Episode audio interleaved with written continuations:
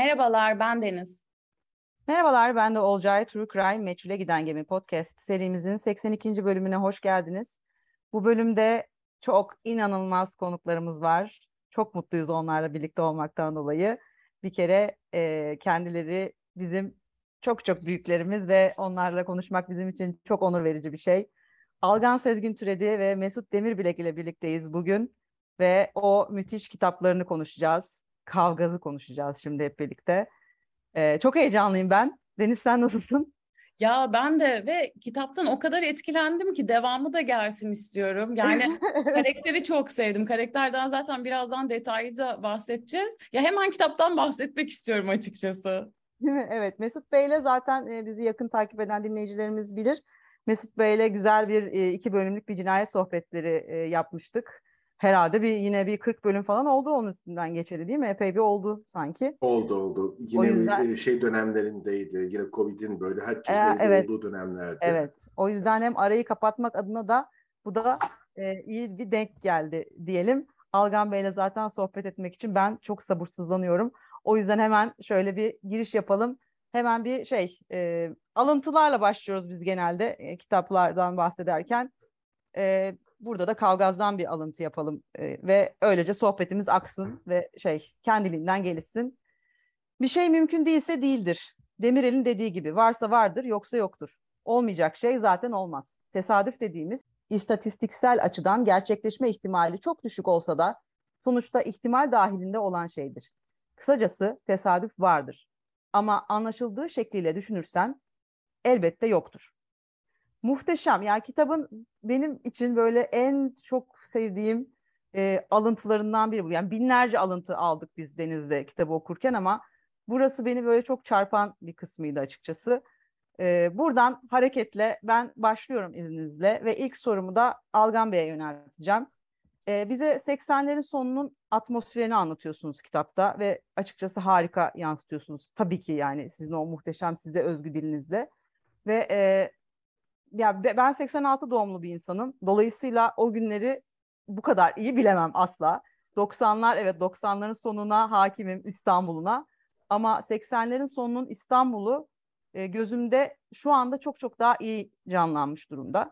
İşte Sirkecisi, Fatih, Kağıthanesi, Belgrad'ı, Han, Hanlar, bir de Süleyman Demirel var yani onu da için içerisinde yani e, bir lezzet olarak katıyorsunuz. Özellikle bu dönemi seçmenizin aslında tabii burada Mesut Bey de dahil olabilir bu soruma ama bu dönemi özel olarak seçmenizin bir sebebi var mı? Yoksa e, tamamen hani o e, yani o kafanıza başka bir taraftan gelen bir sebep miydi? Ve e, bütün bu dönemi hatırlamak yine her ikiniz için de geçerli aslında bu soru. Ve üstüne yazmak, düşünmek nasıl bir süreç oldu sizler için? Ben açıkçası 90'ları düşündüğümde 90'ların sonunda artık yani akli melekelerim daha yerindeydi diyeyim. İçimi çok böyle e, ne diyeyim işte kasım kokulu bir nostalji kaplıyor. Ve o beni böyle hmm. hüzünlendiriyor, işte bir yerlere götürüyor, gittiğim mekanları hatırlıyorum. Size ne oldu o yazarken? 80'lerin sonundaki Algan Bey ve Mesut Bey bir araya geldi ve ne hissettiniz?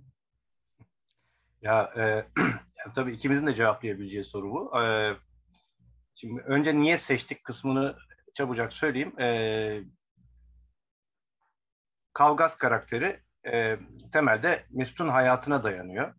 E, yani var ya işte based on falan o şeylerde işte işte e, gerçek olaylardan alınmıştır, dramatize edilmiştir gibi notlarla beraber. E, Mesut e, Cinayet Büro'ya ilk başladığı dönem 1987 yazı e, akademiyi bitirdikten sonra e, cinayet büroya giriyor. İşte kitapta anlatıldığı gibi aşağı yukarı hani bir takım eklemeler, çıkartmalar var elbette ama hani o dramatizasyonun gerektirdiği şeylerden dolayı ama sonuçta e, birinci neden e, gerçekten de o zaman bu işin başlaması e, Mutlu da Mesut gibi zaten isimleri de aynı yerlerden geliyor. E, o zaman e, başlıyor. Birinci seçme sebebimiz o.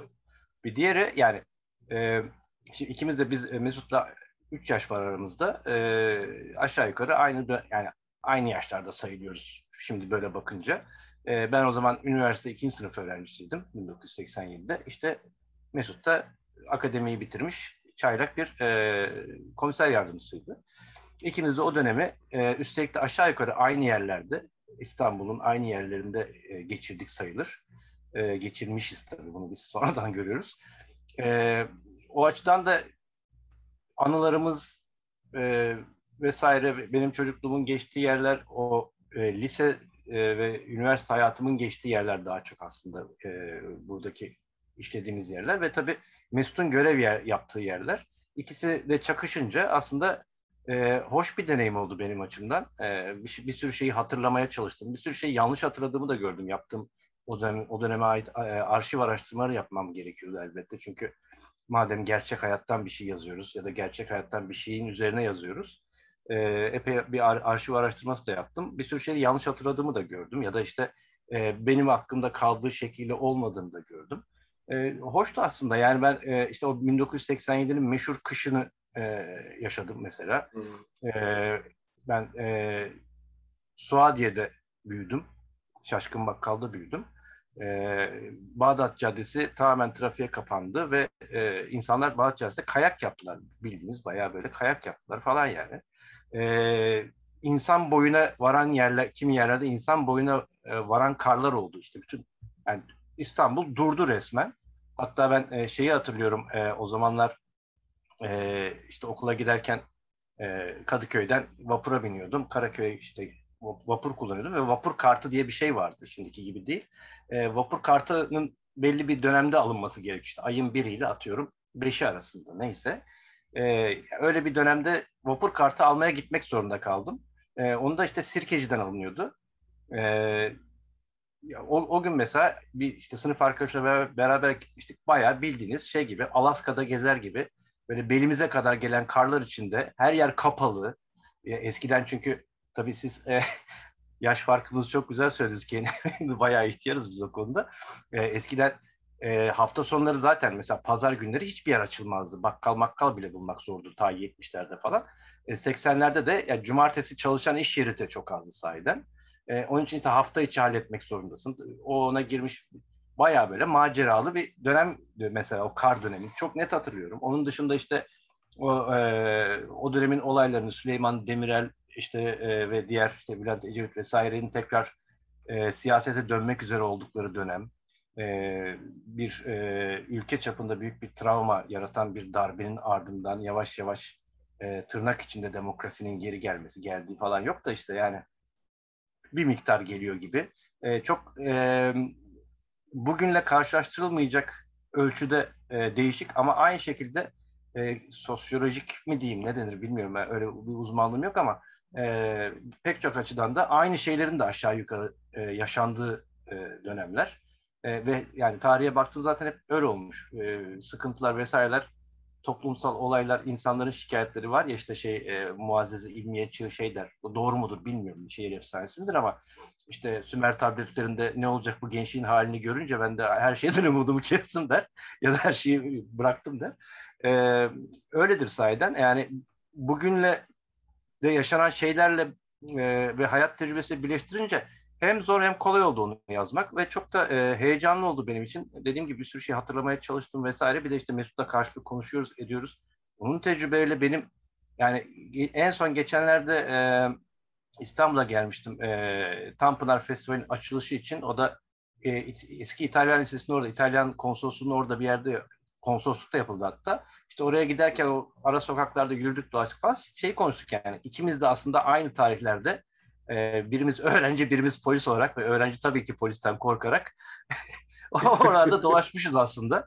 Yani o açıdan da e, şey oldu, e, güzel bir deneyim olduğunu söyleyebilirim. Yani çok karışık aslında. Yani güzel tarafı var, güzel olmayan tarafı var, üzücü şeyler hatırlanıyor.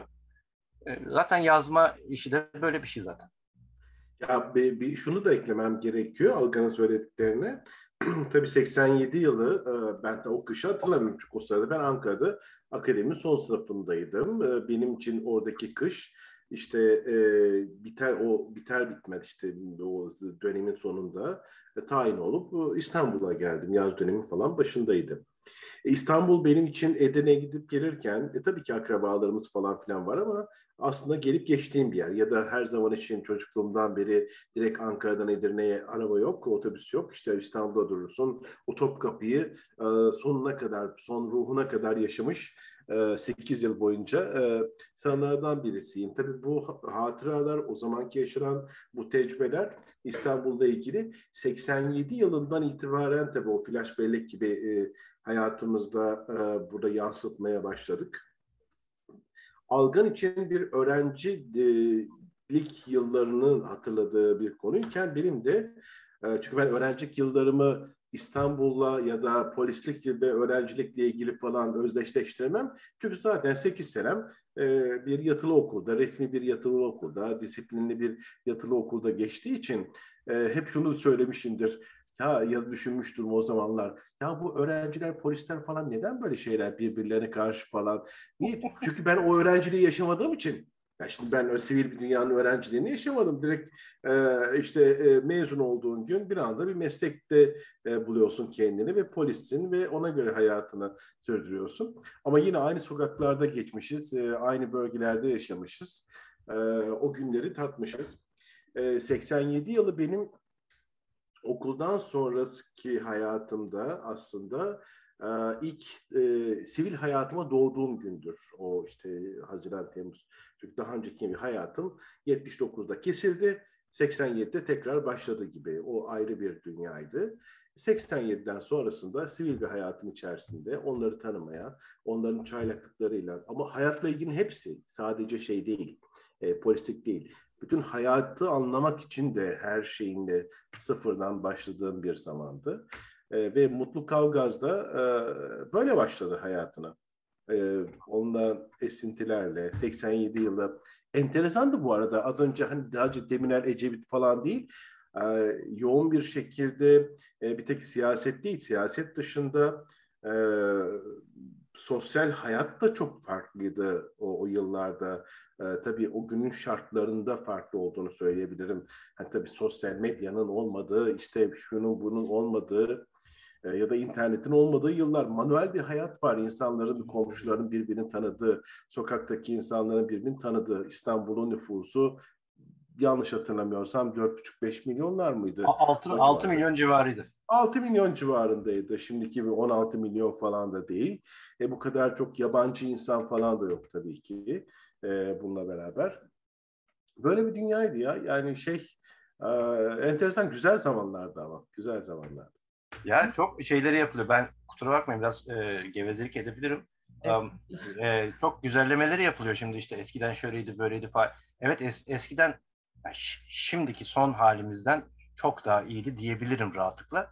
Ama kendi sıkıntıları da vardı sahiden. Yani hani vardı. hep siyaset, miyaset falan laf ediyoruz ama gerçekten de e, zor dönemlerdi pek çok açıdan. Ben mesela şu, yani ben e, öğrencimde çok fazla öğrenci olaylarına karışan bir öğrenci değildim. Yani sonuçta güzel sanatlar okudum ben. E, grafik tasarım mezunuyum. E, ve öyle yani işte kıyısından köşesinden diyebilirim. Ama e, mesela e, bir gün e, neresiydi? Gülhane Parkı'nın önünden geçerken e, iki tane polis memuru beni çevirdiler. İşte yani öğrenciyim işte biraz sakal makal falan var işte lise bitmiş böyle büyük heveslerle çıkmışız. Saçlar uzuyor, sakallar uzuyor vesaire. Ee, işte şeyim var. O zamanlar çok modaydı. Ee, haki renkli keten entel çantam var. Ee, efendim işte içinde boyalarım, kalemlerim, işte taslaklarım, çizdiğim şeyler falan bilmem ne. Böyle e, bir de e, babamdan kalma bir tane şey vardı. E, gocuk vardı böyle Hmm. Parkalar falan değil mi? Park, park, işte evet koyun yak, yakası böyle şeyli tüylü müylü falan filan. İki tane polis memuru çevirdiler beni. Ondan sonra işte kimlik istediler. Alıştığımız bir şey zaten çünkü mesela kimlik taşımaya, yanımızda kimlik taşımaya 80 sonrası başlandı. Ondan öncesinde öyle mecburiyet yoktu artık. Hep her yere kimlikle gitmek zorundaydınız.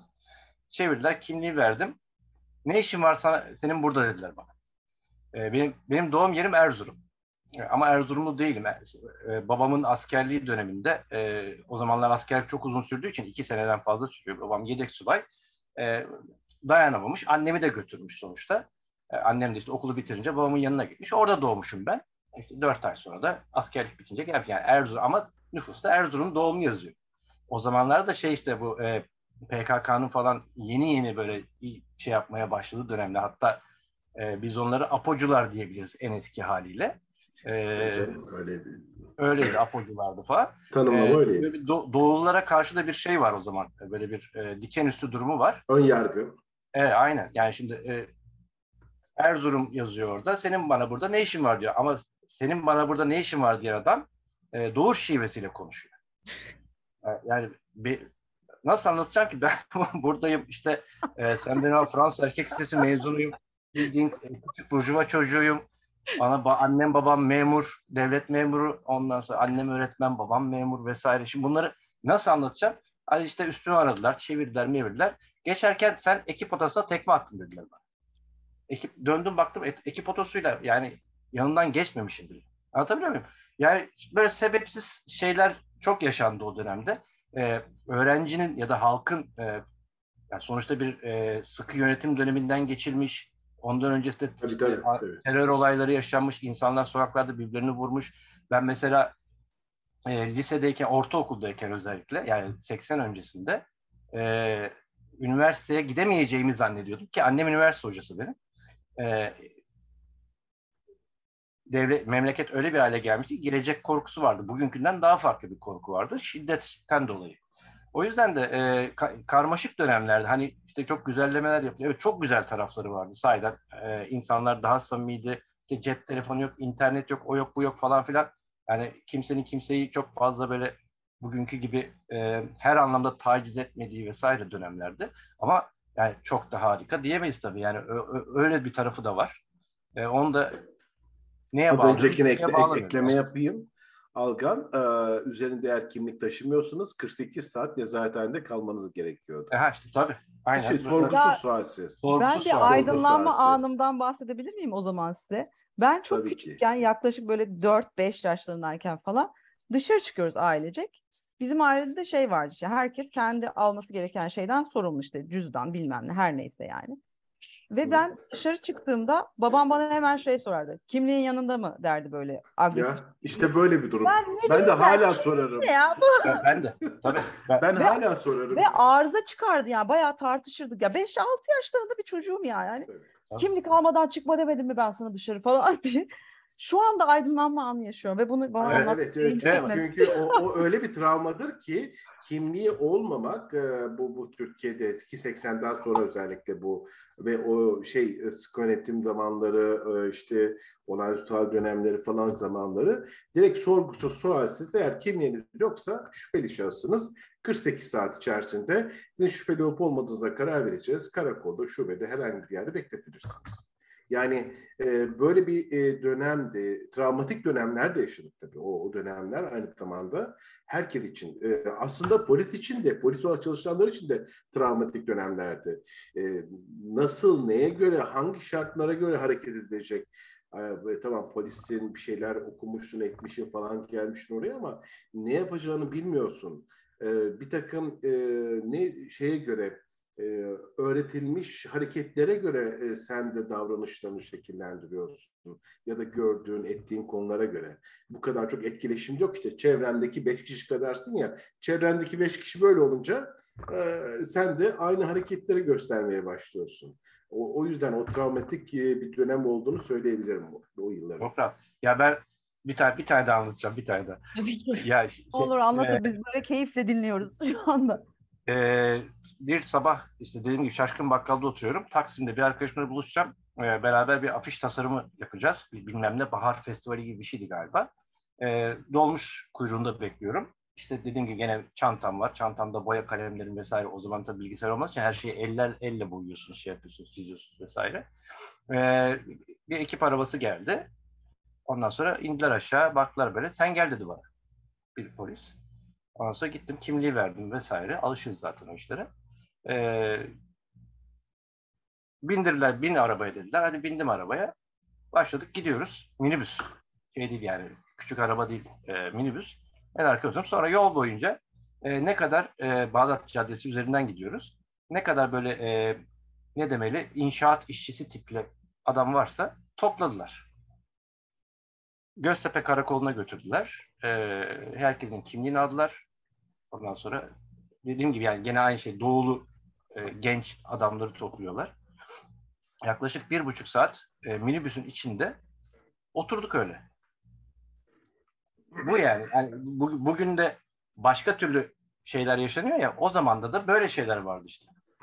Çok benzeri ne biliyor musunuz aslında? E, siz de e, zaman zaman e, podcastlerinizde anlatıyorsunuz. Aslında şey algoritmik açısından çok da bir fark yok. 80'li yıllardaki Amerika'daki suç dalgaları 80'li yıllar, 70'li 80'li yıllarda inanılmaz patlamıştır ki 90'lara sirayet etmiştir Amerika'da.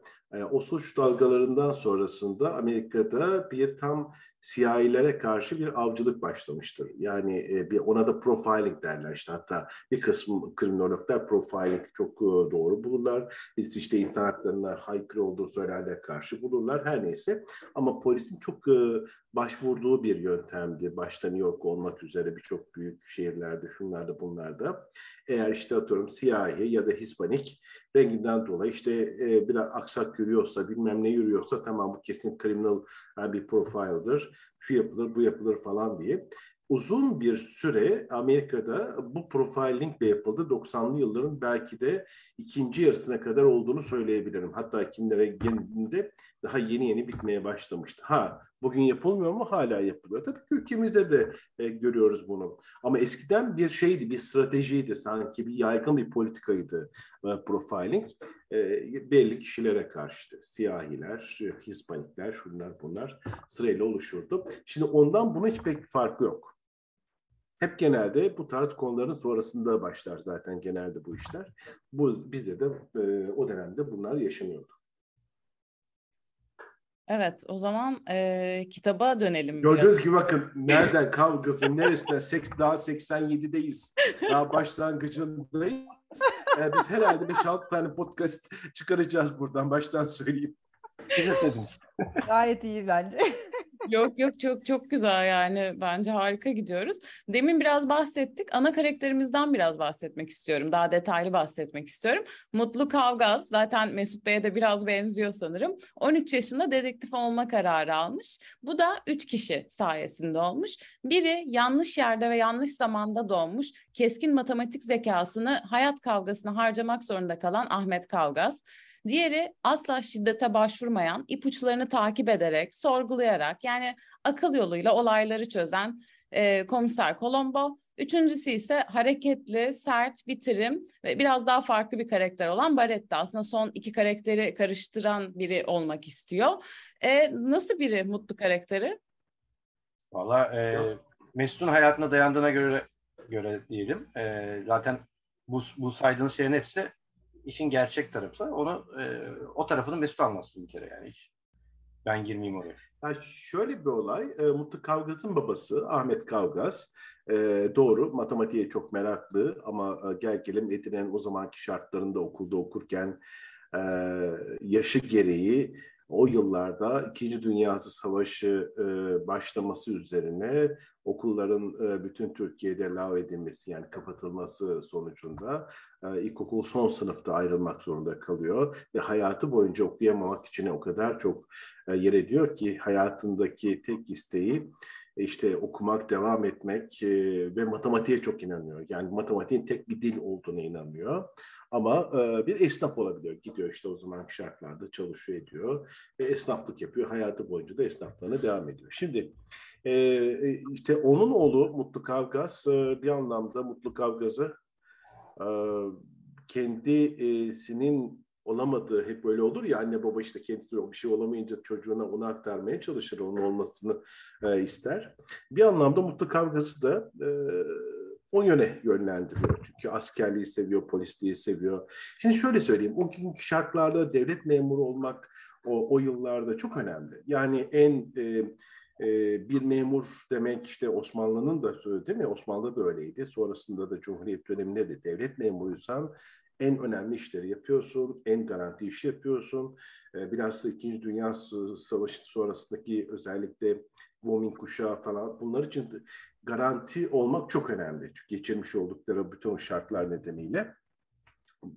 E, Ahmet Kavgaz'ın da aslında bir anlamda e, hayalleri, düşünceleri o yöndeydi ve Mutlu Kavgaz'ı böyle yönlendiriyor. Fakat Mutlu Kavgaz'ı yönlendiren bir tek o değil. E, Mutlu Kavgaz evet başka yerlere de gidebilirdi. Fakat e, Mutlu Kavgaz e, iki tane e, e, filmi ki o yıllarda siyah beyaz film dizi film dönemleri işte Komiser Columbo'yu izliyor. E, Baretta izliyor. Aslında daha birçok var e, o yıllarda izlenen Amerikan filmlerinin işte bir kuşağıdır o. Yani o yıllarda hep suç üzerine olan filmler vardır. Bütün dünyada işte patlamış olan Hollywood filmleri. Ama bu iki karakteri e, hiç kaçırmıyor ve onlardan bir anlamda ışık alıyor. İşte ben de onlar gibi olacağım ama hiçbir zaman yüzde yüz bir tanesini hissetmiyor, ait hissetmiyor kendini. Ee, evet çünkü niye komiser Colombo her şey kafasıyla, zekasıyla, aklıyla çözüyor hiçbir zaman yani belki 20 sene boyunca adam bir kez falan filan silah çekmiştir belki yanlış hatırlamıyorsam bir bölümde. O da patlamadı zaten. Yani sadece silahını göstermiştir. Ama bütün cinayetleri komiser Colombo şeyle çözer. Üzerindeki bir tane eski bir e, pardüsüyle beraber. E, yaz kış onu giyerdi adamcağız. Neyse e, yaz kışı e, Chicago'da başka şey giymezdi. E, bir taraftan o. Ama bir taraftan da bir genç olarak tabii aksiyonu seviyor Mutlu Kavgaz hem öyle olmayı çok seviyor aklı ama aynı zamanda aksiyonu çok, çok seviyor. Aksiyonu çok da güzel zeka ile beraber buluşturan da bir de Baretta karakteri var. E, Komiser Baretta bir taraftan işte güzel bir işte beyaz bir e, papağanı var. Onunla beraber oluşturulmuş bir profil e, şeyde e, o filmde. İkisinin e, hep karışımı olmak istiyor. Ben hem aksiyon dünyasında olacağım hem de işte aklımla, zekamla bu cinayetleri çözeceğim diye hayaller kurarak e, e, yoluna, yolculuğuna başlıyor. E şimdi aslında o da 13 yaşında kariyerine başlamış oluyor. Ne, ne olmak istediğine karar verdiğinde.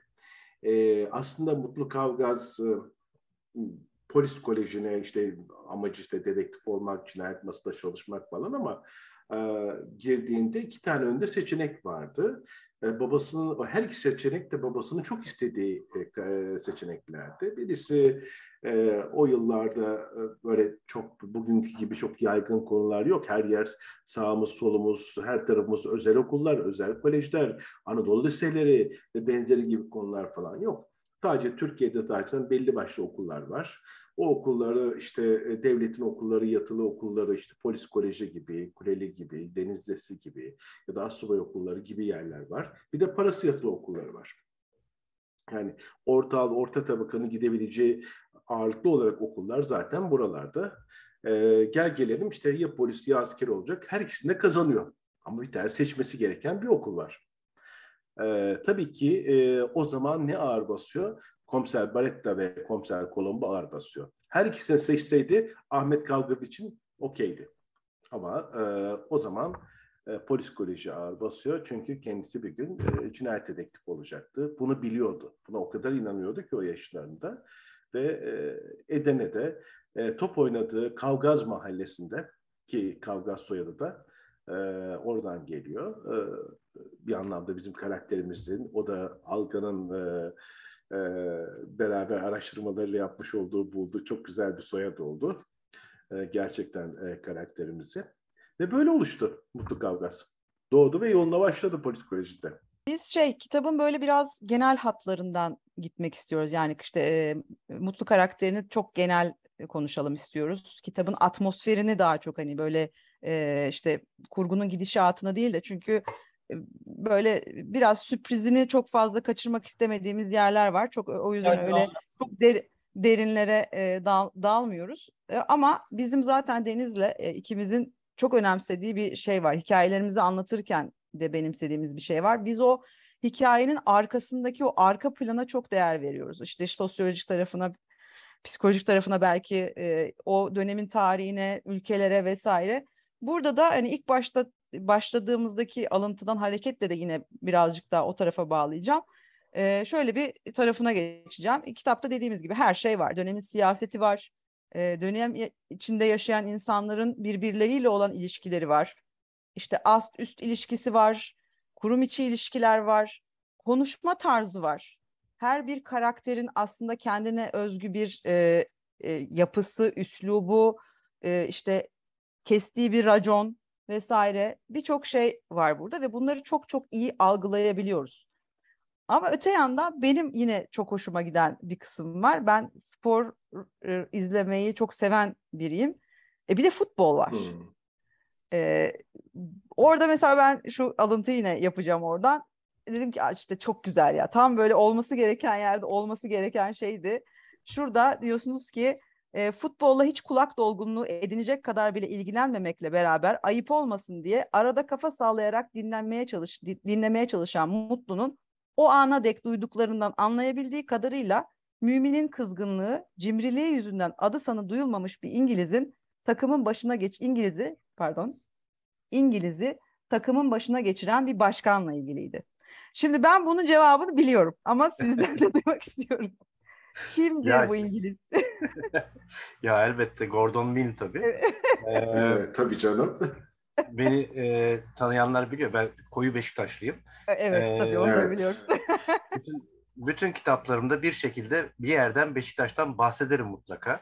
Tabii Ee, bir, bir satır bile olsa geçirmeye çalışırım. Oradaki e, yani tabii Gordon Mill'in de Türkiye'ye o sene gelmiş olması ve e, Türk futbolunda çok önemli bir şey yapmış olması da e, tabii değerli bir şey. Yani e, en azından benim kişisel tarihimde çok önemli yeri olan bir adam.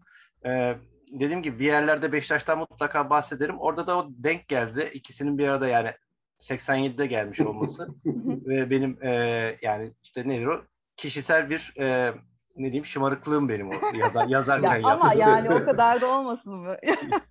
Mesut Bey ki, siz, siz e, sever miydiniz futbol izlemeyi Aa, ve ben futbol izlemeyi severim. Ben Galatasaray taraftarıyım. Ancak hiçbir zaman Algan kadar aa, bir e, güzel Beşiktaşlı ol. Bak mesela benim Eyvallah. babam da e, doğal olarak Mutlu Kavgaz'ın babası Ahmet Kavgaz da çok iyi bir Beşiktaşlıydı. Yani Beşiktaş'ı çok severdi. O insanlar aa, yani apayrı bir e, şey vardır. e, e, durum vardır Beşiktaşların benim tarafımda.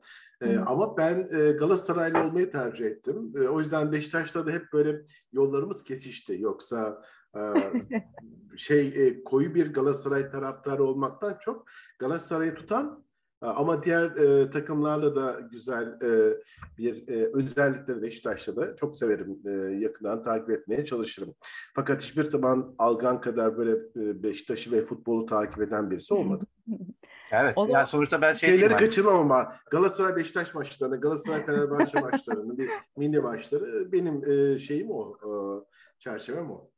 Ya ben de e, ya ben babadan Beşiktaşlıyım ben de. E, yani öyle de çok başka zaman söyle, anlatabileceğim öyle de hikayelerim var ama e, dediğim gibi yani ben de şey değil yani Mes- Mesut'tan daha fazla belki ama sonuçta fanatik taraftarlardan değilim ben de. Onu da altını çizmek isterim. E, saygı çerçevesinde her e, yani mesela benim Fenerli ya da Peki, Galatasaraylı Al- Al- arkada, arkadaşlık soruyor. etmem diye arkadaşlarım var mesela. ya Ya tabii tabii. Öyle insanlar var. Ee, Öyle ben de öyle değilim onu da söylüyorum ama futbolu çok severim, spor izlemeyi severim, basketbolu çok severim. Ee, bütün spor dallarını aşağı yukarı takip etmeye çalışırım elimden geldiği kadar. Peki Algan e, bir şey sorayım ben sana. E, Mutlu Kavgas hangi takım tutuyor? Mutlu, mutlu kavgası taraf takımsız yapacağım. Yedirme var. Galatasaray yapmam. ya gel şimdi burada söyleyeyim. Yok hakikaten ya tabii canım yani Beşiktaş e, ya da Galatasaray değil de e, bir şekilde ileride sürpriz olarak muhakkak bir takımı e, noktası olacak bakalım. Onu şimdiden tabii şimdi-. Şimdi şeyi e, kitapta çok az geçti ama e, Mutlu Kavgaz'ın e, ne diyelim nemesisi e, Koray var. E, kitapta Koray Koray mesela koyu fenerli. O e, şeyleri hatta e, sırtına polis işte cinayet büro yazdırdığı e, yağmurlukları yaptığı zaman sarı lacivert olsaydı da diyor zaten. evet evet evet evet. O- on- on- o da çok güzel bir Ya- şeydi. Çünkü sonuçta e, biz çok e, çok. hay- hayatında futbol çok olan bir ülkeyiz. Nereden bakar ne, Evet. kim ne derse desin. Yani benim, tabii. benim- Hayatımızın renkleri çünkü onlar. benim gençliğimde bir de şeydi yani e, dediğim gibi ben bir e, güzel sanatlar mezunuyum. Hani entelektüel tayfanın çok yoğun olduğu bir yerde e, ve benim gençliğimde e, futbolla ilgilenmek hor görülen bir şeydi e, o ortamlarda. E, hani çok da şeyini acısını çekmişimdir. E, kırıldığım da çok olmuştur insanların arasında o, o konularda. Ama e, şimdi işte e, yani onun da bir bir şey olduğu, öyle aşağılanmayacak bir şey olacak. Aynı şey mesela polisiye roman içinde geçerlidir. Türkiye'de yıllarca çok hor görülmüştür. E, halbuki e, gene başka bir konunun e, meselesi ama dünyada polisiye yazılan üçüncü ülkeyiz biz tarihi açıdan. İngiltere ve Fransa'dan sonra dünyada polisiye yazılan üçüncü ülkeyiz biz. Çok eski bir polisiye geleneğimiz var fakat işte araya giren soğuk savaşla beraber İkinci Dünya Savaşı'ndan sonra e, değişen politikalar, siyasi hayatın çok ağır basması nedeniyle e, hep polisiye uzun yıllar boyunca kenara atılmış. Yoksa e, 40'larda 30'larda çok çok değerli polisiye eserlerimiz var. 90'lardan sonra tekrar kendine gelmeye başladı polisiye. Futbol için de aynı şey geçerli. Daha pek çok konu e, ülkenin e, ne demeli siyasi yapısı nedeniyle, siyasi iklimi nedeniyle e, geride kaldı, hor görüldü. İşte ne bileyim pop kültürü de buna dahil. Hani çok arşı evet, hala ama bu kadar hiçbir şey de o kadar kötü değil. Sonuçta emek verilen işte ne bileyim e, kafa üret, kafa işletilen işler bunlar. Futbolda da öyle yani. Kafan çalışmıyorsa bir şey olamıyorsun yani. Hep aynı şey. Evet evet hatta ben de buradan şöyle bir şeye bağlayacaktım. Yine o kitabın atmosferi veya dönem atmosferine göre. Yani nasıl ki Simon Cooper'in dediği gibi futbol hiçbir zaman sadece futbol değildir. Bu bağlamda da aslında çok da önemli bir yere sahiptir. Özellikle Türkiye gibi bir ülkede siyasetle birebir ilişki içerisindedir. Hatta şeyi de sormak istiyorum yani dönem futboluyla ilgili hani kitapta yok ama sizin belki hani o atmosfere yedirebileceğimiz bir şey çıkar belki bundan sonraki kitaplarda diyebileceğiniz bir e, şey var mı? Muhakkak çıkar diye düşünüyorum. Muhakkak ben. çıkacak. Zaten yani bu kitapta mesela şeyden bahsettik işte Türkiye milli takımın İngiltere'den arka arkaya ikinci defa 8 gol yemesi. Evet. O dönem çok büyük olaydı. E, bayağı bir ülkece e, kalbimiz kırılmıştı yani 8 tane hani 3 tane 4 tane yersin ya, İngiltere. Hiç unutulacak şey. İşte o da işte 8. bu da travmalardan birisiydi o, o yılların, o dönemin travmalarından birisiydi ya. Hepimiz futbol oynarız, severiz. Ee, bir de şunu söyleyeyim. Mesela polis dünyasında, polis camiasında en çok sohbeti edilen spor dalı futboldur. Yani futbol dışında diğerlerine çok fazla yer sohbetler sırasında verilmez. Yoksa aynı ekip arkadaşları falan futbolu tartışırsın, konuşursun, edersin. Git karakolda da aynı şeyi görürsün. Muhakkak herkesin bir takımı vardır. Hatta bazen espri olsun diye arabana yakalamış olduğun işte e, sanıklara, şüpheliye, suçluya falan hangi takım tutuyorsun ona göre eğer benim tek tek öteki arabaya geç falan derler. Espri olsun diye. yani işte tabii bu eşiğin esprisi tarafı ama futbol e, polis camiasında da hala belki öyle olabilir ama o yıllarda e, başka sporun başka bir rengi konuşulmazdı zaten. Evet evet ya e, bir tane daha çok kısa bir şey anlatayım. E, Yıldız yokuşundan e, otostop yapıyordum. Öğrenciydim işte. Yine 1987-88 o civarlardadır. Bir araba durdu. Bindim. E, kaleci Yaşar. E, İngiltere'den 8 gol yiyen kalecimiz. Beni arabaya aldı. Yolda sohbet ettik falan. En sonunda adam sinirlendi herhalde. Sen beni tanımadın mı dedi. Tamam mı? Madem bu kadar futbol seviyorsun beni tanımadın. Tanıdım tanıdım da onun için susuyorum. Kim olduğunu söylemiyorum dedi. Sağ olsun ama şey, güldü müldü o da yani şey yaptı tabii yani o şey e, tatlı bir adamcağızdı. E, sağ olsun güldü müldü ha, tamam delikanlı falan da ama 8 dakika tanışırdı. Şahaneymiş ya gerçekten. Ee, Mutlu Kavgaz'dan yola çıkarak Mesut Bey'e bir sorum olacak. Yine kitaptan bir alıntı yapacağım. 22 yaşındaydı Mutlu Kavgaz. Her üniversite mezunu kadar genç, 8 yıllık yatılı eğitim hayatından dolayı sadece hafta sonları görebildiği dışarıdaki hayata, sivil hayata dair diğer üniversite mezunlarından daha bilgisizdi. Bir bakıma çocuktu daha. Mesut Bey bu teşkilatta sık rastlanan bir durum mudur? Tabiri caizse çömezlerin ekiplerin başına geçmesi sık görülür mü? Bir de e, sizin deneyimleriniz sayesinde bu kitapta bir büronun nasıl kurulduğunu, iş dinamiklerine, arkadaşlıklarına da hakim oluyoruz. Bunun ne kadarı kurgu yani biraz bahsettik zaten de atıyorum yani yüzde sekseni doğru mudur bunun? Böyle mi işler bunlar? Nasıldır? Tamam. Şimdi ilk bölümüne biraz cevap vereyim. Sonrasındaki bölüme de Algan'la birlikte cevap veririz isterseniz. Şimdi tabii ki işte 22 yaşında polis akademisinden mezun oluyorsun. İşte hayatın orada belirli bir eğitim yapısıyla geçmiş ve çıktıktan sonrasında gerçekten sivil hayatla ilgili e, çok fazla hafta sonları tanımış olduğun sivil hayat dışında ya da yaz tatillerinde memlekete gittiğin e, zaman tanıdığın sivil hayat dışında fazla bir şeye sahip değil, fazla bir bilgiye sahip değilsin. E, bu e, bir anlamda işte acemilik yaratıyor mu? Yaratıyor. Sadece bırak özel hayatta bırak daha mesleğe başlamadık yani. Özel hayatta dahi aynı acemilikleri yaşıyorsun. E, ama gel gelelim e, cinayet bürosu gibi bir yerde bir çaylakların e, kalkıp 10 tane çaylağın okuldan yeni mezun olan e, komiser yardımcısının İstanbul Cinayet Bürosu gibi Türkiye'nin en e, yoğun yerinde başlatılması o günkü yönetimin aldığı e, çok cesurca ve riskli bir karardı belki. Çünkü o güne kadar o, o güne kadar o yapılan cinayet bürosunun tahammüllerinde e, tema yani o, o zamana kadar bütün alışkanlıkları ve kültüründe e, işte en az 5-6 sene ya da 10 sene sokakta çalışmadıktan sonra bir belirli bir başarı göstermedikten sonrasında ya da o tecrübeye sahip olmadıktan sonra cinayet bürosuna alınmazdı. Zaten seçilerek alınırdı. E, şey içerisinde polis memurları ya da komiserler belli yıl sonrasında iyi bir başarı gösteriyorlarsa bu tarz şubeleri alınırdı.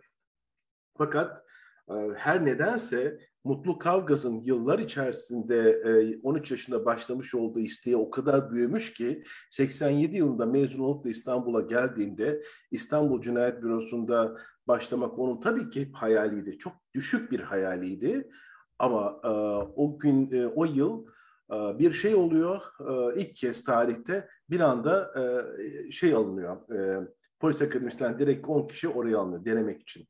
Orada yetiştirdim çırak gibi onları daha sonrasında e, cinayet bürosunda çalışmaya başlasınlar diyerek. İşte onlardan birisiydi. E, bu çaylaklık dönemi cinayet bürosunda çok alıştığı bir dönem değildi açıkçası. Oradan e, 10 yıldır, 20 yıldır çalışan polis memurları, oradaki dedektifler ya da yöneticiler için falan da zor bir durumdu. Düşünsenize her gün sabah akşam cinayetlerle bir sürü yoğun olaylarla uğraşıyorsunuz. Bir de yanınıza bir tane çaylak birisine veriyorlar. Hadi bakalım bunu yetiştirmeyle uğraş. E, haftanın yedi günü zaten gece gündüz iş peşinde koşan insanlardır oradakiler. Bir de onların yanına işte çaylak veriyorsun. Tabii ki ilk etapta tepkiyle karşılandı. İnsanlar kendi arasında buna çok tepki gösterdi orada çalışanlar. Fakat süreç başladı. Biz de o sürecin içerisinde doğduk.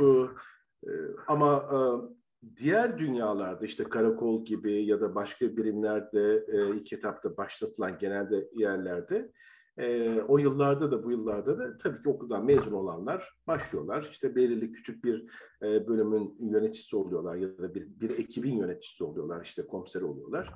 Onunla beraber tecrübe hayatlarına başlıyor. Şimdi polislik bir de şunu söylemem gerekiyor. Sadece okulda okutulan derslerle öğrenilen, yapılan bir meslek değil. Aslında dersler ve işte derslerin de büyük bir kısmı hukuk ağırlıklıdır. Bu işin belki sadece yüzde ellisi bile olduğunu söyleyemem. Esas bu işin sanatını sokakta öğreniyorsunuz. Sanatını sonra tecrübeyle öğreniyorsunuz. Çevrenizde gördüklerinizde, baktığınız olaylarla öğreniyorsunuz. E, Mutlu Kavgaz da aslında böyle başladı. Düşünsenize daha Mutlu Kavgaz cinayet bürosuna e, başladığında hayatında daha ceset görmemişti. Bir kere derslerde gittiği adli gibi e, morga götürmüşlerdi kendisini polis akademisinde e, iki sene öncesinde işte bütün sınıfı götürdüklerinde uzaktan görmüş olduğu ceset dışında gördüğü hiçbir ceset yoktu. Kitaplarda belki okumuştu, anlatılmaları sadece biliyordu.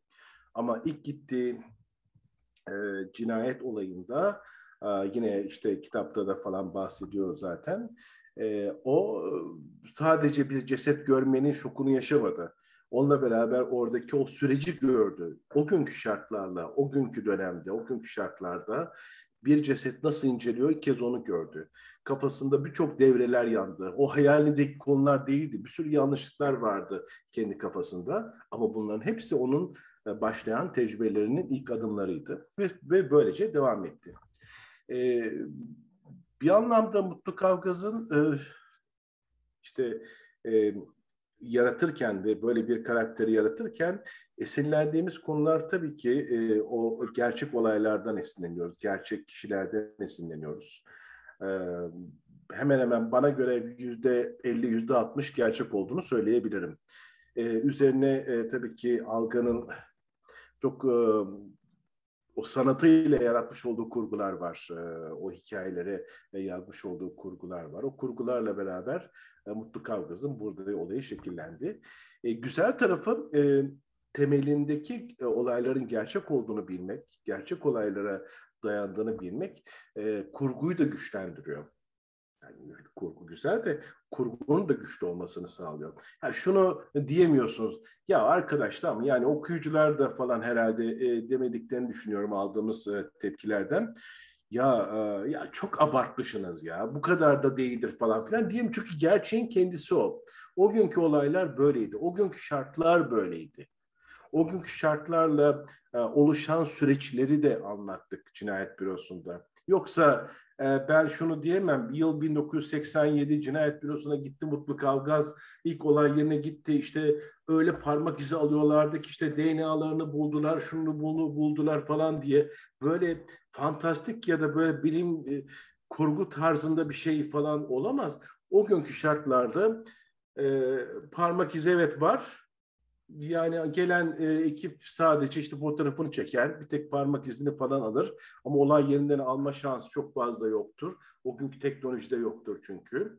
E, DNA denilen şey zaten adı bile bilinmiyor. Bırak uzmanlar tarafından bile bilinmiyor. O yıllarda kullanılmıyor. Akabinde e, işte olay yerlerinin korunması edilmesi denilen bir konu bile yok.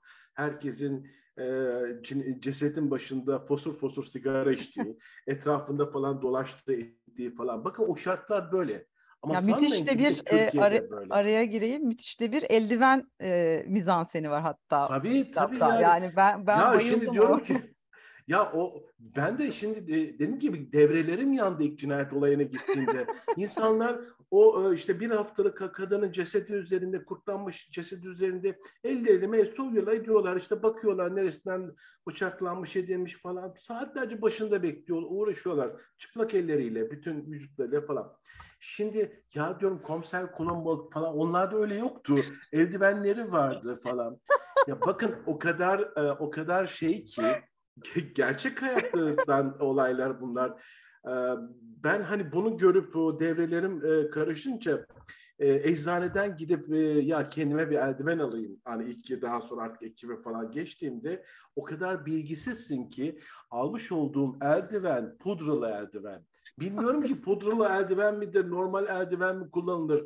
Yani cesede dokundu her tarafı pudra oldu cesedin ilk gittiğimde. Çünkü hani onun pudrasız eldiven kullanmak gerekiyor falan. Onun bilgisinde bile değilsin. E, düşünebilirim. Yani o günün şartlarından bahsediyorum. E, bir de şunu söyleyeyim bakın e, parantez açarak yani bunu e, o günün şartlarını hep e, altını çizerek söylerim ama o günün şartları Türkiye'de böyleyken dünyada da farklı değildi. Ee, çok tabii meslektaşım var dünyanın birçok ülkelerinden Avrupa'da olsun, Amerika'da olsun sonraki eğitimlerimiz sırasında tanıştığımız arkadaşlarımız da var. Hala görüşürüz kendilerinde. O yıllarda orada da benzer durumlar vardı. Her şey böyle Hollywood filmlerinde olduğu gibi falan değildi.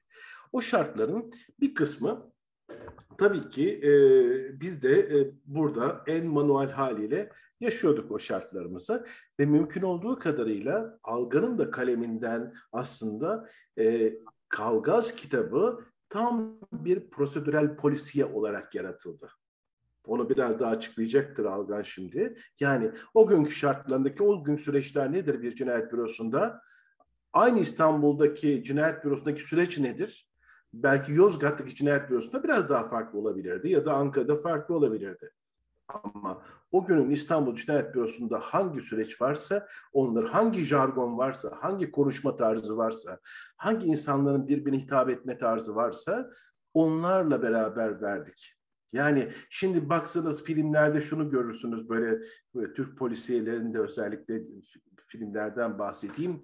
Ya işte sayın müdürüm, işte amirim falan filan böyle konuşurlar. Yok öyle kardeş böyle bir şey kelime yok yani.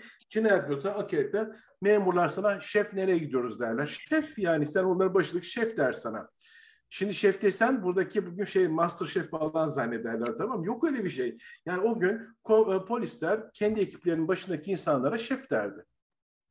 Bu kadar. Hani ancak bir başkası varsa yanında ya da böyle resmi bir yere gittiyse komiseri falan derlerdi. E ben şimdi e, yanımdaki e, o zaman 22 yaşındayım. Tamam onların yanındayım ama hani onların başındaki komiseriyim ama e, adam benden 20 yaş falan büyük. 20 seneden beri cinayet bürosunda benden alt rütbede olabilir. E ben onların hepsine abi derdim. Niye abi derdim? Çünkü yaşına değil mesleğine olan hürmeten de abi derdim.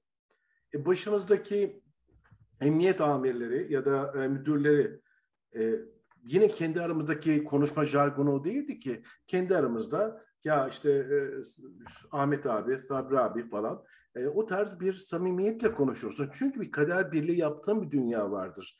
Böyle filmlerde gösterildiği gibi sayın müdürüm, sayın amirim. E tamam çok büyük müdürleri falan yanına gittiğinde onu söyle. Ama gün içinde beraber olduklarını bu jargonu kullanmazsın. Yani e, çok güzel bir şeyi yakalamıştı Algan ben anlatırken. Güzel bir jargon kelimesi vardır orada. İşte conta yakmak kelimesi. Şimdi bunu polisler evet. bilir kendi dünyası. O günün dünyasını polisleri bilir orada. Conta yakma tabirinin yani e, ya conta niye yanar, conta neden yanar, kaportacıda mı çalışıyorsun, motorcuda mı çalışıyorsun? Yok. Ama oradaki tabiri e, ben anlatırken söylemlerinde Algan'ı çok güzel yakaladı ve bunu kitapta kullandı. Conta yakmanın e, ancak o dünyada ve o günlerde kullanılan bir tabir olduğunu e, güzel yakaladı. İşte bunları e, o günün şartlarıyla beraber e, o kurgusuyla birlikte oluşturduk ve prosedürel polisiyeyi bu şekilde e, başlatmış olduk ve diyeyim Algan'a vereyim sözü. Ya, Bıraktı. O gün üzerine çok onu, onu, onu çok daha güzel anlatıyor çünkü o Algan. Eyvallah. Ya şey e, sonuçta yaptığımız iş e, belgesel çekmek değil, e, polisiye roman yazmak. E, polisiye romanın gerektirdiği şeyler var malum. E, hem belli şablonları var hem de e, edebiyat bu sonuçta. E, Tabii. insanlara hoş vakit geçirmek bizim, geçirtmek bizim derdimiz. E, o yüzden de e, Mesut'un dediği gibi yüzde elli, yüzde altmış kısmı gerçek. İşte geri kalan yüzde kırk ya da yüzde elli kısmı da e, uydurmamız bizim açıkçası. Yani sonuçta e, bir hikaye uydurmak durumundayız. E, yani kitabın Evet bu e, teknik kısımları yani teknik derken e, sadece e, polis e, prosedürleri açısından değil Mesut'un söylediği işte jargonlar, konuşmalar, e, tarzlar vesaire. Tabii bir de e, benim de yaşadığım bir dönem olduğu için aşağı yukarı e, konuşma tarzı için o zamanın argosuna da hakimim. Hatırlıyorum bir sürü şeyi. Yani bugün hiç geçerli kalmamış. Ne bileyim mesela biz e, moruk derdik birbirimize mesela. E, şimdi yani mesela kanka diye bir laf yoktu. Atıyorum yani işte aklıma gelen evet şeylerden. E, onlara da hakim olunca e, onları aralara kullanıyoruz ama yani işin e, olayın e, kesik elin deniz kenarında bulunmasından sonraki kısmı e, çok büyük ölçüde kurgu.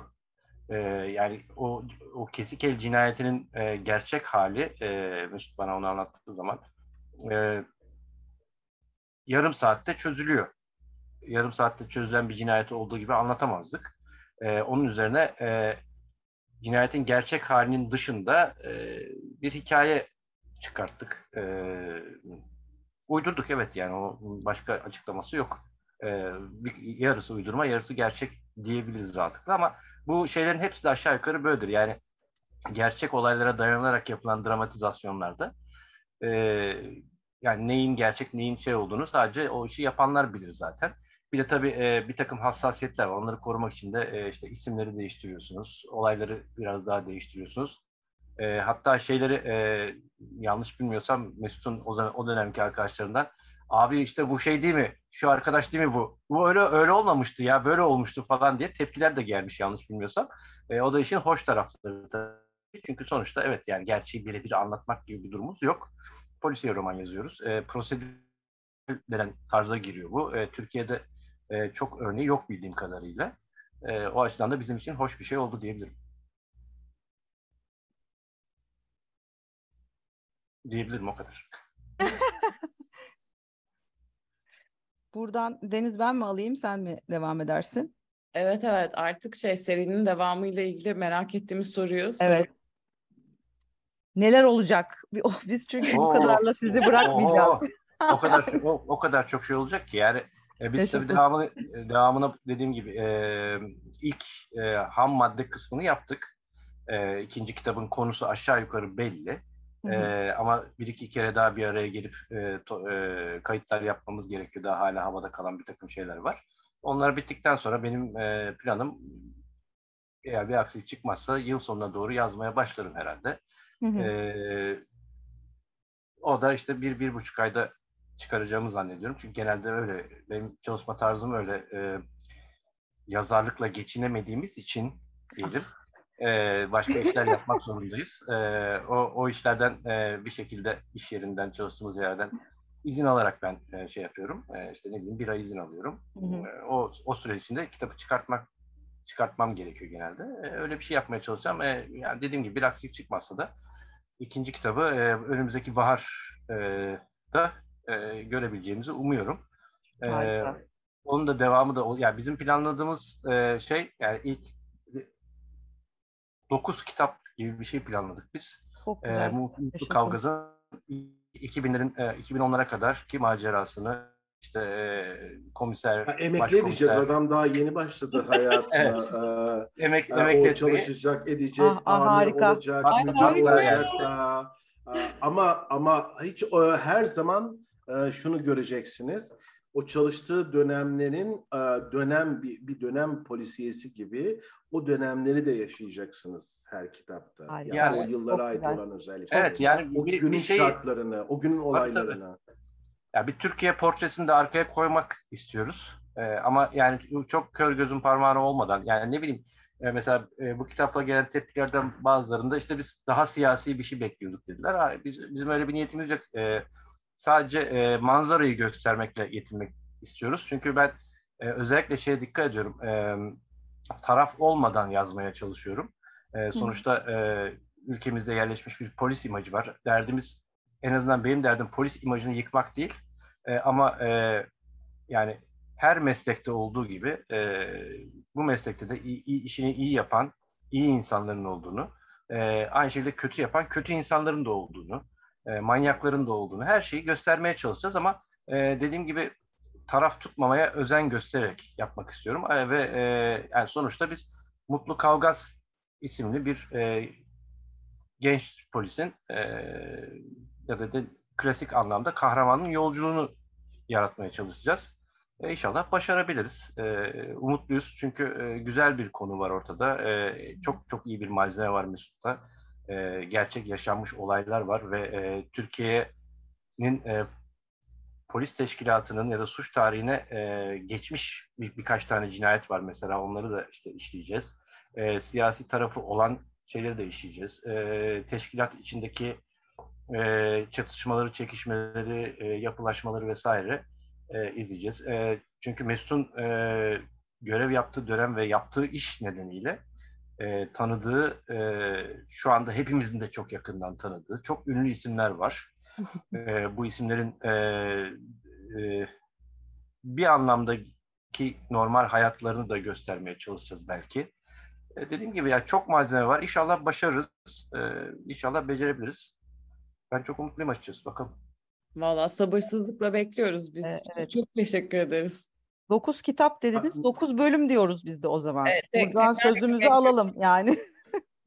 Tabii Ya aslında 9 kitap, 9 aslında 3 3 sezon diyebiliriz. Değil mi Alkan? Yani üç Yok, sezon biz- Belli biz- dönemler var. Yani Biz işte kendimize yormuştuk. Türkiye'nin de önemli. ya şöyle şöyle olacak. Yani mesela belirli dönemler var. Türkiye'nin de böyle çok enteresan dönemleridir o dönemler. O dönemleri e, baz alarak aslında bu dokuz kitabı bugün için en azından dokuz kitap diyelim. e, o noktalara taşıyoruz. İşte bunları sezon. Yani en azından şu anda söyleyebiliriz. İşte ilk hedefimiz ilk üç kitabı çıkartmak. İşte 87-90. Ya 87-90 öyle enteresan bir dünya ki işte hani 12 Eylül bitmiş etmiş falan filan sonrasındaki artık yavaş yavaş sivilleşme çalışmaları öyle bir e, kayganlıkların olduğu dönemler, e, yapılar falan bir 90. E, Yine aynı bakıyorsunuz daha sonrasında bir 94-97 arası vardır ki e, bambaşka olayların yaşandığı yine Türkiye'de farklı dönemlerin yaşandığı ki İstanbul başta olmak üzere bir dönemdir. E sonra işte 2000'ler var falan. Yani bunları o dönemleri de e, tercih etmeye çalıştık. Böyle ayrı ayrı sezonlar gibi e, yaratmaya ya, çalışacağız. Tabii bir de şöyle bir şey var. Şimdi 87-90 arası sadece Türkiye'nin dünyanın da büyük bir devrimin eşiğinde durduğu bir dönem. Tabii, internet tabii, internet devriminin henüz ortaya çıkmadı ama çıkmaya başlamak üzere olduğu bir dönem. Oradan geçiş 90'larda bu sefer Türkiye işte internetin gelmesi, cep telefonlarının gelmesiyle bir transformasyon oluşuyor. DNA analizi gelmeye başlıyor. İşte Türkiye'de ilk defa DNA yöntemiyle çözülen cinayet var.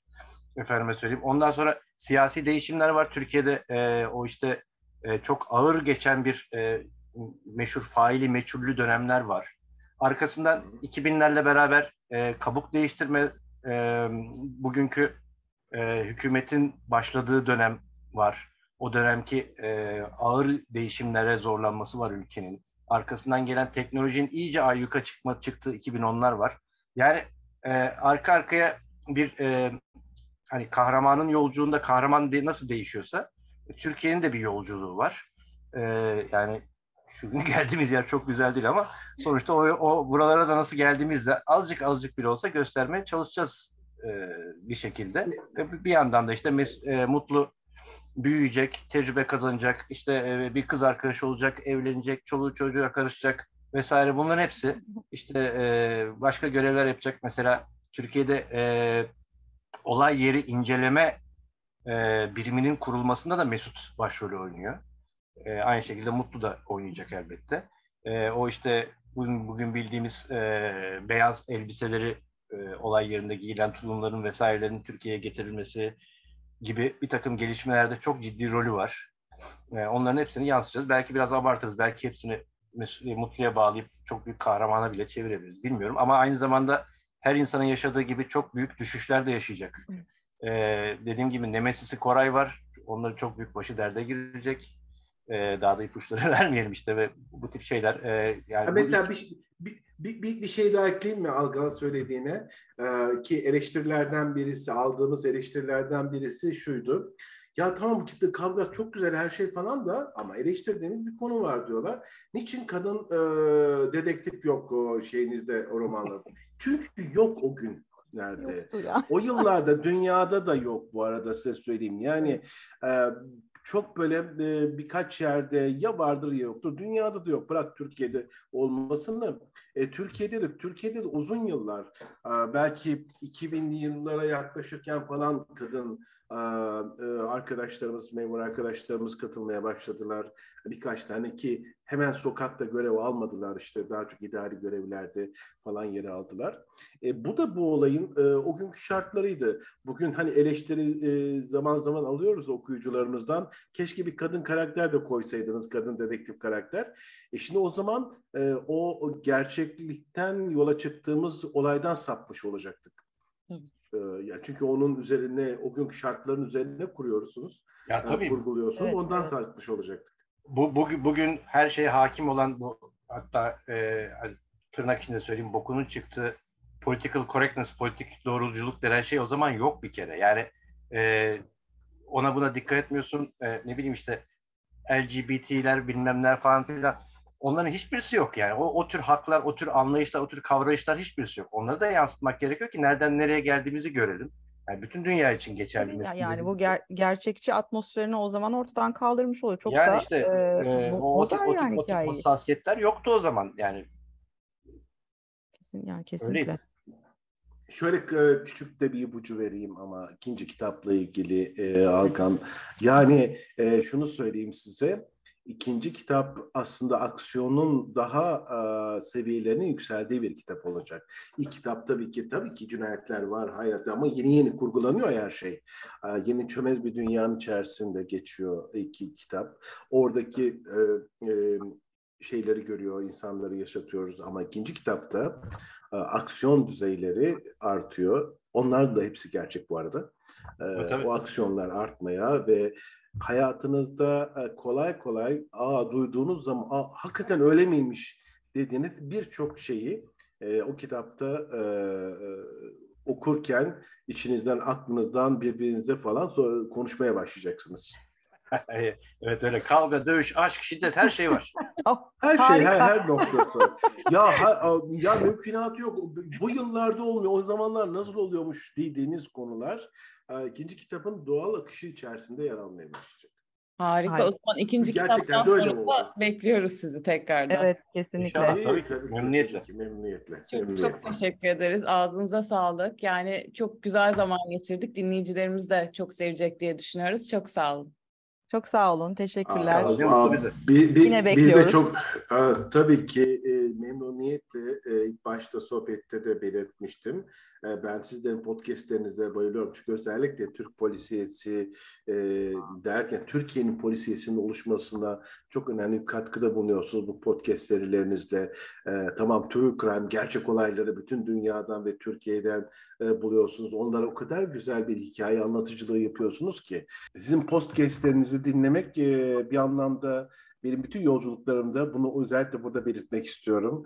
Ee, yol arkadaşlığı yapar. Uçak seyahatlerinde, yolculuklarımda e, aa, ne zaman işte True Crime yeni podcast çıktı diye bakarım ederim. Varsa muhakkak indirim. Bütün uçak yolculuğum boyunca dinlerim.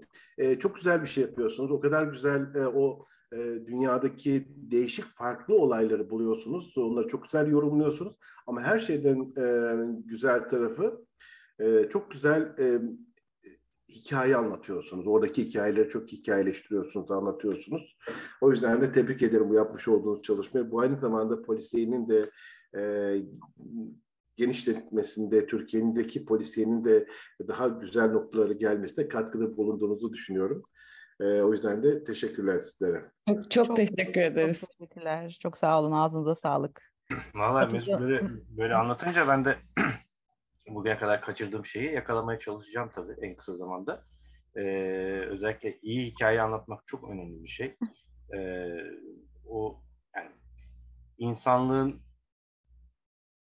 gezegenimizde egemen tür olmasının birinci sebebi aslında bu hikaye anlatabilme meselesi ki e, yani tabii ne kadar konumuzla ilgili onu bilmiyorum ama e, tüm canlılarda aşağı yukarı var olan bir şey bu. E, iletişim kurma işi.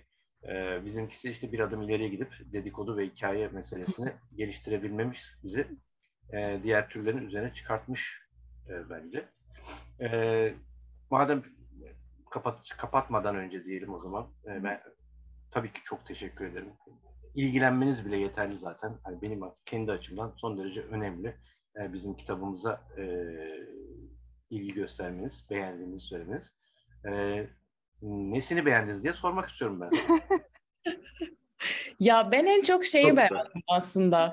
Böyle e, babam sınıfı demek doğru olmaz ama böyle okurken bütün karakterler birleşiyor. Bir topluluk olarak biri bir yöne, diğeri başka yöne olsa da hep beraber bir şeyler yapıyorlar. Ya bir hikayenin en başından görme fikri benim hoşuma gitti. Yani biri bir insan nasıl komiser olur? Yani o aradaki süreci eğitiminden sonra nasıl yaşar ve etrafı nasıldır? Bunu hiç düşünmemiştim ve o kadar gerçekçi, o kadar güzel bir atmosferdi ki ben galiba onu sevdim. O topluluk hissiyatını sanırım.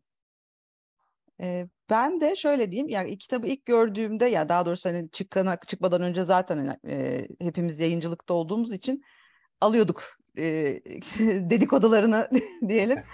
E, Şimdi bir elimizde Algan Sezgin Türedi var. Üslubuna hayran olduğum bir insan. E, bir tarafta Mesut Demirbilek var. Kariyerine hayran olduğum bir insan. İkisinden nasıl bir e, muhteşem yapı çıkacak ortaya diye böyle heyecanla bekliyorduk kitabı. E, ve çıkar çıkmaz hemen böyle işte Deniz'de böyle okuyalım falan dedik ve tabii ki işte yani hiç şaşırmadık ve hiçbir Eyvallah. tarafı bizi şaşırtmadı ve hakikaten o Deniz'in az önce söylediği o sıfırdan aslında yani işte Mutlu Kavgaz'ın o sıfır noktasından geldiği yer ve e, bunların bir kısmının gerçek bir kısmının kurgu ve bu ikisinin o kadar güzel harmanlanmış olması yani hiçbir yerinde ya bak burası galiba kurgu kokuyor dediğimiz bir şey yok. Yani dolayısıyla biz de yayıncı olduğumuz için bazen meslek hastalığı kitapları şey gibi okuyoruz. Hata aramak için deliler gibi hata aramak için okuduğumuz çok şey var. Ve böyle çok uzun zamandır ben kendimi şey hissettim. Ya şöyle bir rahat rahat bir kitabın içine bırakıp kendimi hiçbir şeyini araştırmadan yani doğru mu hata var mı yanlış mı böyle tatlı tatlı bir insanın e, gelişim hikayesini bir şehrin ilerleme hikayesini bildiğim, tanıdığım, aşina olduğum ve çok sevdiğim bir şehrin ve bir yandan da tanıdığım iki insanın tarzının ilerleyişini okudum ve çok mutlu oldum. Tekrar tekrar teşekkür ederim. Elinize aklınıza sağlık. Abi biz bu kadar güzel lafları hak ediyor muyuz acaba? Kesinlikle. ya, Daha e, fazlasını bence ama çok- bizden bu çok- kadar çıktı. Çok Ya kısa k- şey vereyim, e, küçük bir sır vereyim. E, Zaman zaman kitabı, iki, iki oldu okuyorum kitabı. Tekrar tekrar. E, Ya şu var, içinde e, her okuduğumda aslında iki kez okudum bu arada şu ana kadar e, şeylerini. E, ya, tamam ya yazarken ederken hani içindesin falan ama bu hani bir film çekersin ama daha sonra seyredersin de işte e, gerçekten doğru mu, iyi mi yaptı falan. İlkinde öyle okudum açıkçası. Ya acaba bir şey var mı, kaçırdık mı, ettik mi? İşte bir kitap gerçekten kitabın içinde var. Sonrasında bir okuyucu gibi okudum ikincisinde. E, okuyucu gibi ya hakikaten kendimi e, kaptırdığımı hissettim. Mutlu kavgızı merak etmeye başladım. Nasıl bir insan bu, ne yapıyor, sonra ne yapacak, edecek falan diye. Aynı sizin duyduğunuz soruları ve keyif almaya başladım. Umarım e, dinleyicilerimiz de e, eğer bir gün okurlarsa aynı keyfi alırlar ya da bütün okurlarımız da aynı keyfi alırlar diye e, umuyorum.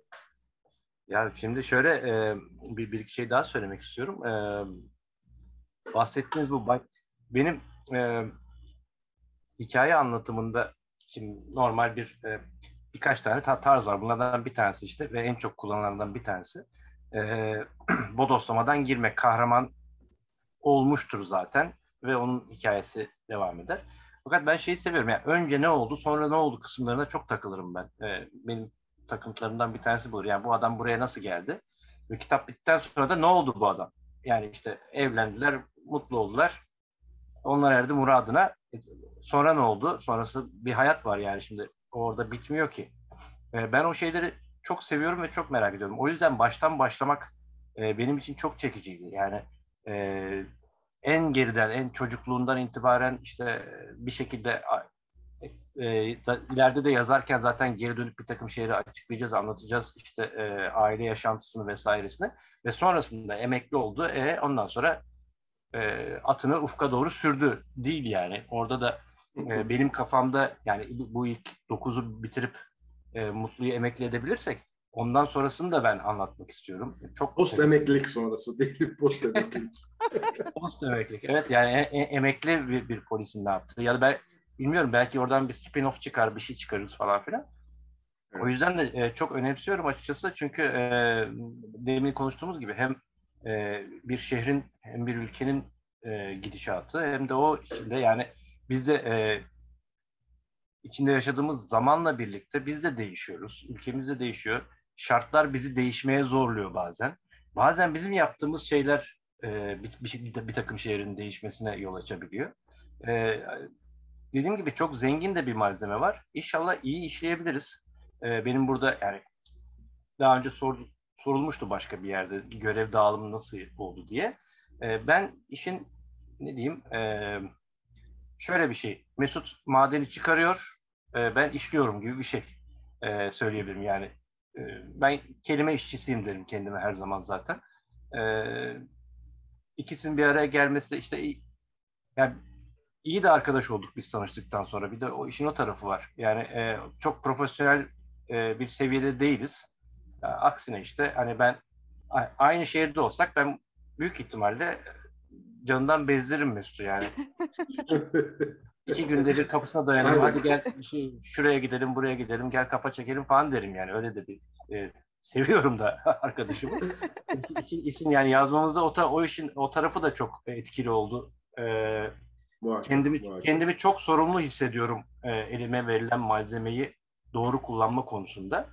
E, dediğim gibi yani hem e, bir ortada bir kurum var, polis teşkilatı var. E, bunun e, doğru anlatılmasını çok önemsiyorum. Çünkü şöyle de bir şey var. E, Türkiye'de çok ciddi, çok iyi polisiye yazarları var.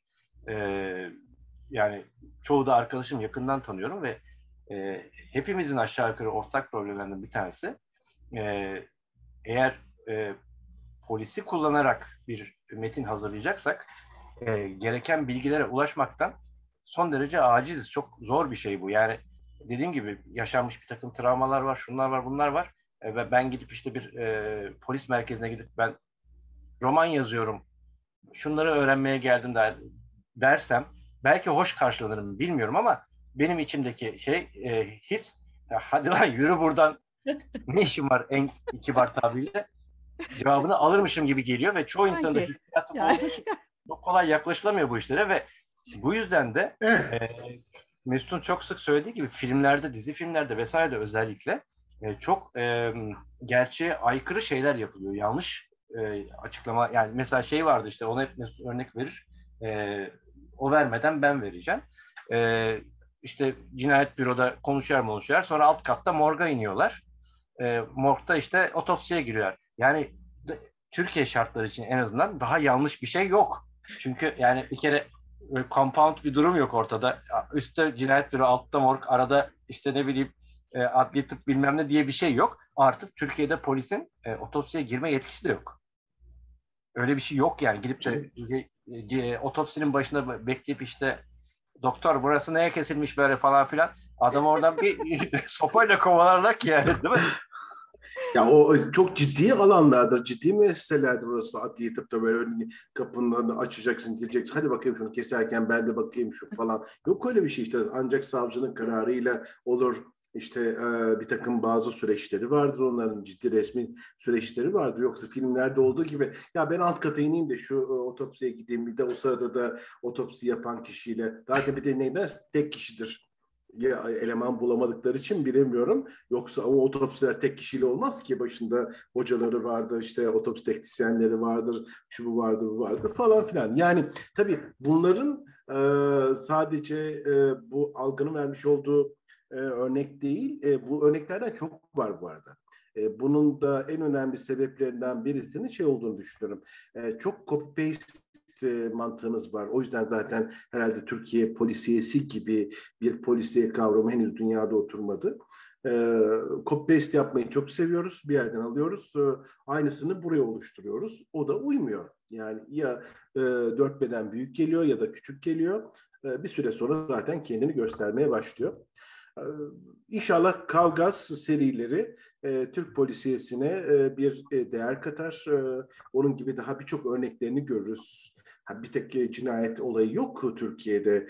E, polislik hayatın ki polisiye bir tek polislikle olmuyor işte mystery. Yani e, bu çözülmemiş olaylar, ilginç olaylar e, gibi birçok farklı alanları vardır. Biz polisiye diyoruz değil mi Alkan? Yani öyle bir tabir olduğu için polisiye diye falan söylüyoruz. Tabii Bu tabii Türkiye. Buna benzer e, gerçek izler bırakacak eserler çıkar. Ya tabii canım yani şimdi bizim yani dünyada bizden başka bir tek Fransızlar polisiye diyor zaten. O da bize de Fransa'dan geliyor polisiye lafı. Yoksa aslında e, polisiye deyince herkes ya, polisle ilgili bir şey zan- zannediyor. Değil, suçla ilgili bir şey ve suçun çözümüyle ilgili bir şey. Yani işte yurt dışında bunlara mystery deniyor, dedektif fiction deniyor, e, crime fiction deniyor. Çeşitli isimleri var. Biz hepsine polisiye demişiz zamanında. Öyle de kalmış. Onu değiştirmek de çok kolay değil. Ama e, polisle ilgili olması gerekmiyor. Hiç polisin yer almadığı polisiye romanlar tonla var. E, yani hiç e, ortada polisle ilgili olmayan şey. Ama bizim seçtiğimiz yol e, böyle. E, Bir de sadece inşallah, cinayet değil. inşallah müşteri Ya yerleştirmeye mesela-. Çok bir mesela ne, ne vardır? Dolandırıcılık bürosu vardır değil mi? Dolandırıcılık suçlarıyla ilgili var. O da bir suç çeşidi. Hırsızlık o da bir suç çeşidi değil mi? Yani hayatımızda belki cinayetten daha çok onları görüyoruz. Dolandırıcılık suçlarıyla karşı karşıya kalıyoruz ya da ona benzer. Şimdi düşünsenize bir dolandırıcılık e, ana konusunun, ana temasının dolandırıcılık olduğu ve dolandırıcılıklarla mücadele eden ve dolandırıcıları yakalayan dedektiflerin hayatını alan bir konuyu ben hatırlamıyorum böyle sadece. Yani Az, muhakkak çok. işte cinayet olacak bilmem ne olacak. Oysa şimdi düşünün e, neydi o? E, Catch Me If You Can e, şeyin e, Tom Hanks. Tom Hanks'in falan ne kadar o da gerçek bir olaydır biliyorsunuz. Aa, mükemmel bir konudur ya. Yani başka bir belgeselden daha aa, çok bilgi verir insana ama harika da çekilmiş. Bir o da bir polisiye aslında. O Tabii tabii tabii. Elbette. Yani şey e, yok. genelde cinayet olması birkaç tane sebep var. Bir birincisi bir kere işlenebilecek en ağır suç olduğu için. Evet. Yani tabii bir insan bir insanın canını almak e, yani sadece e, genel anlayışta da işte dinen de şu da bu da bir ahlakken de her şeyde e, en ağır suç olarak görülüyor. E, nihai suç belki de. E, e, polisiyede de bu yüzden bir kere çok fazla işleniyor. E, yani tırnak içinde söyleyeyim seksi bir konu çünkü sonuçta. Diğer şeylere göre, Evet. dolandırıcılığa göre, işte ne bileyim diğer e, Kesinlikle. gaspa vesaireye göre çok daha seksi bir suç. E, çok daha önemli. Bir de yani hani e, mitolojik anlatılarda işte Habil Kabil mesela ilk cinayet diye bir şey var ya yani ilk soygun diye bir e, e, mitolojide bir şey öyle bir şey ben bilmiyorum ya da işte ne bileyim ilk ga- gasp, ilk darp, ilk şu bu falan filan ama e, ilk kaçakçılık falan değil. Yani ilk suç işte e, elmayı ısırmak vesaire kovuluyoruz. Ondan sonra da ilk cinayet geliyor sıraya. Yani birincisi laf dinlememek, ikincisi can almak gibi bir şey oluyor. E, o yani en eski şeylerimizde, anlatılarımızda bile önce cinayet var yani. Önce ölüm var. Çünkü hayatın hani malum hayatın tek değişmeyen sabiti. Tek tek sabit yani ölüm. Sonuçta hepimiz öleceğiz. Onun arasında olan şeylerin hiçbirisi için hiçbirinin garantisi yok. O yüzden de çok çekici. Ee, o yüzden en çok kullanılan e, konu cinayet polisiyelerde. Yoksa her konuda polisiye var. Ee, yani bir sürü dolandırıcı da, e, filmi var. İşte ka- kaçışlar vesaire şunlar bunlar ama esas mesele cinayet her zaman. Çok çok teşekkür ederiz. Harika bir bölüm oldu. Dolu dolu oldu. Ağzınıza sağlık. Bir sonraki e, kitap sonrasında da görüşmek üzere diyelim o zaman. Çok, biz çok, Çok- teşekkür Ha, biz de ederiz. çok İnşallah- teşekkür inşallah, ederiz. Teşekkürler. İnşallah çok kafa Podcastlerinizin sıkı bir takipçisi olmaya devam edeceğim. Çok Algan Bey sizi de bekliyoruz aramızda. İnşallah. Hemen hemen geliyorum hatta öyle Lütfen. söyleyeyim. görüşmek üzere. Çok çok sağ olun. Görüşmek üzere Tekrar diyoruz. Hoşçakalın. Görüşmek üzere. Selamlar, sevgiler.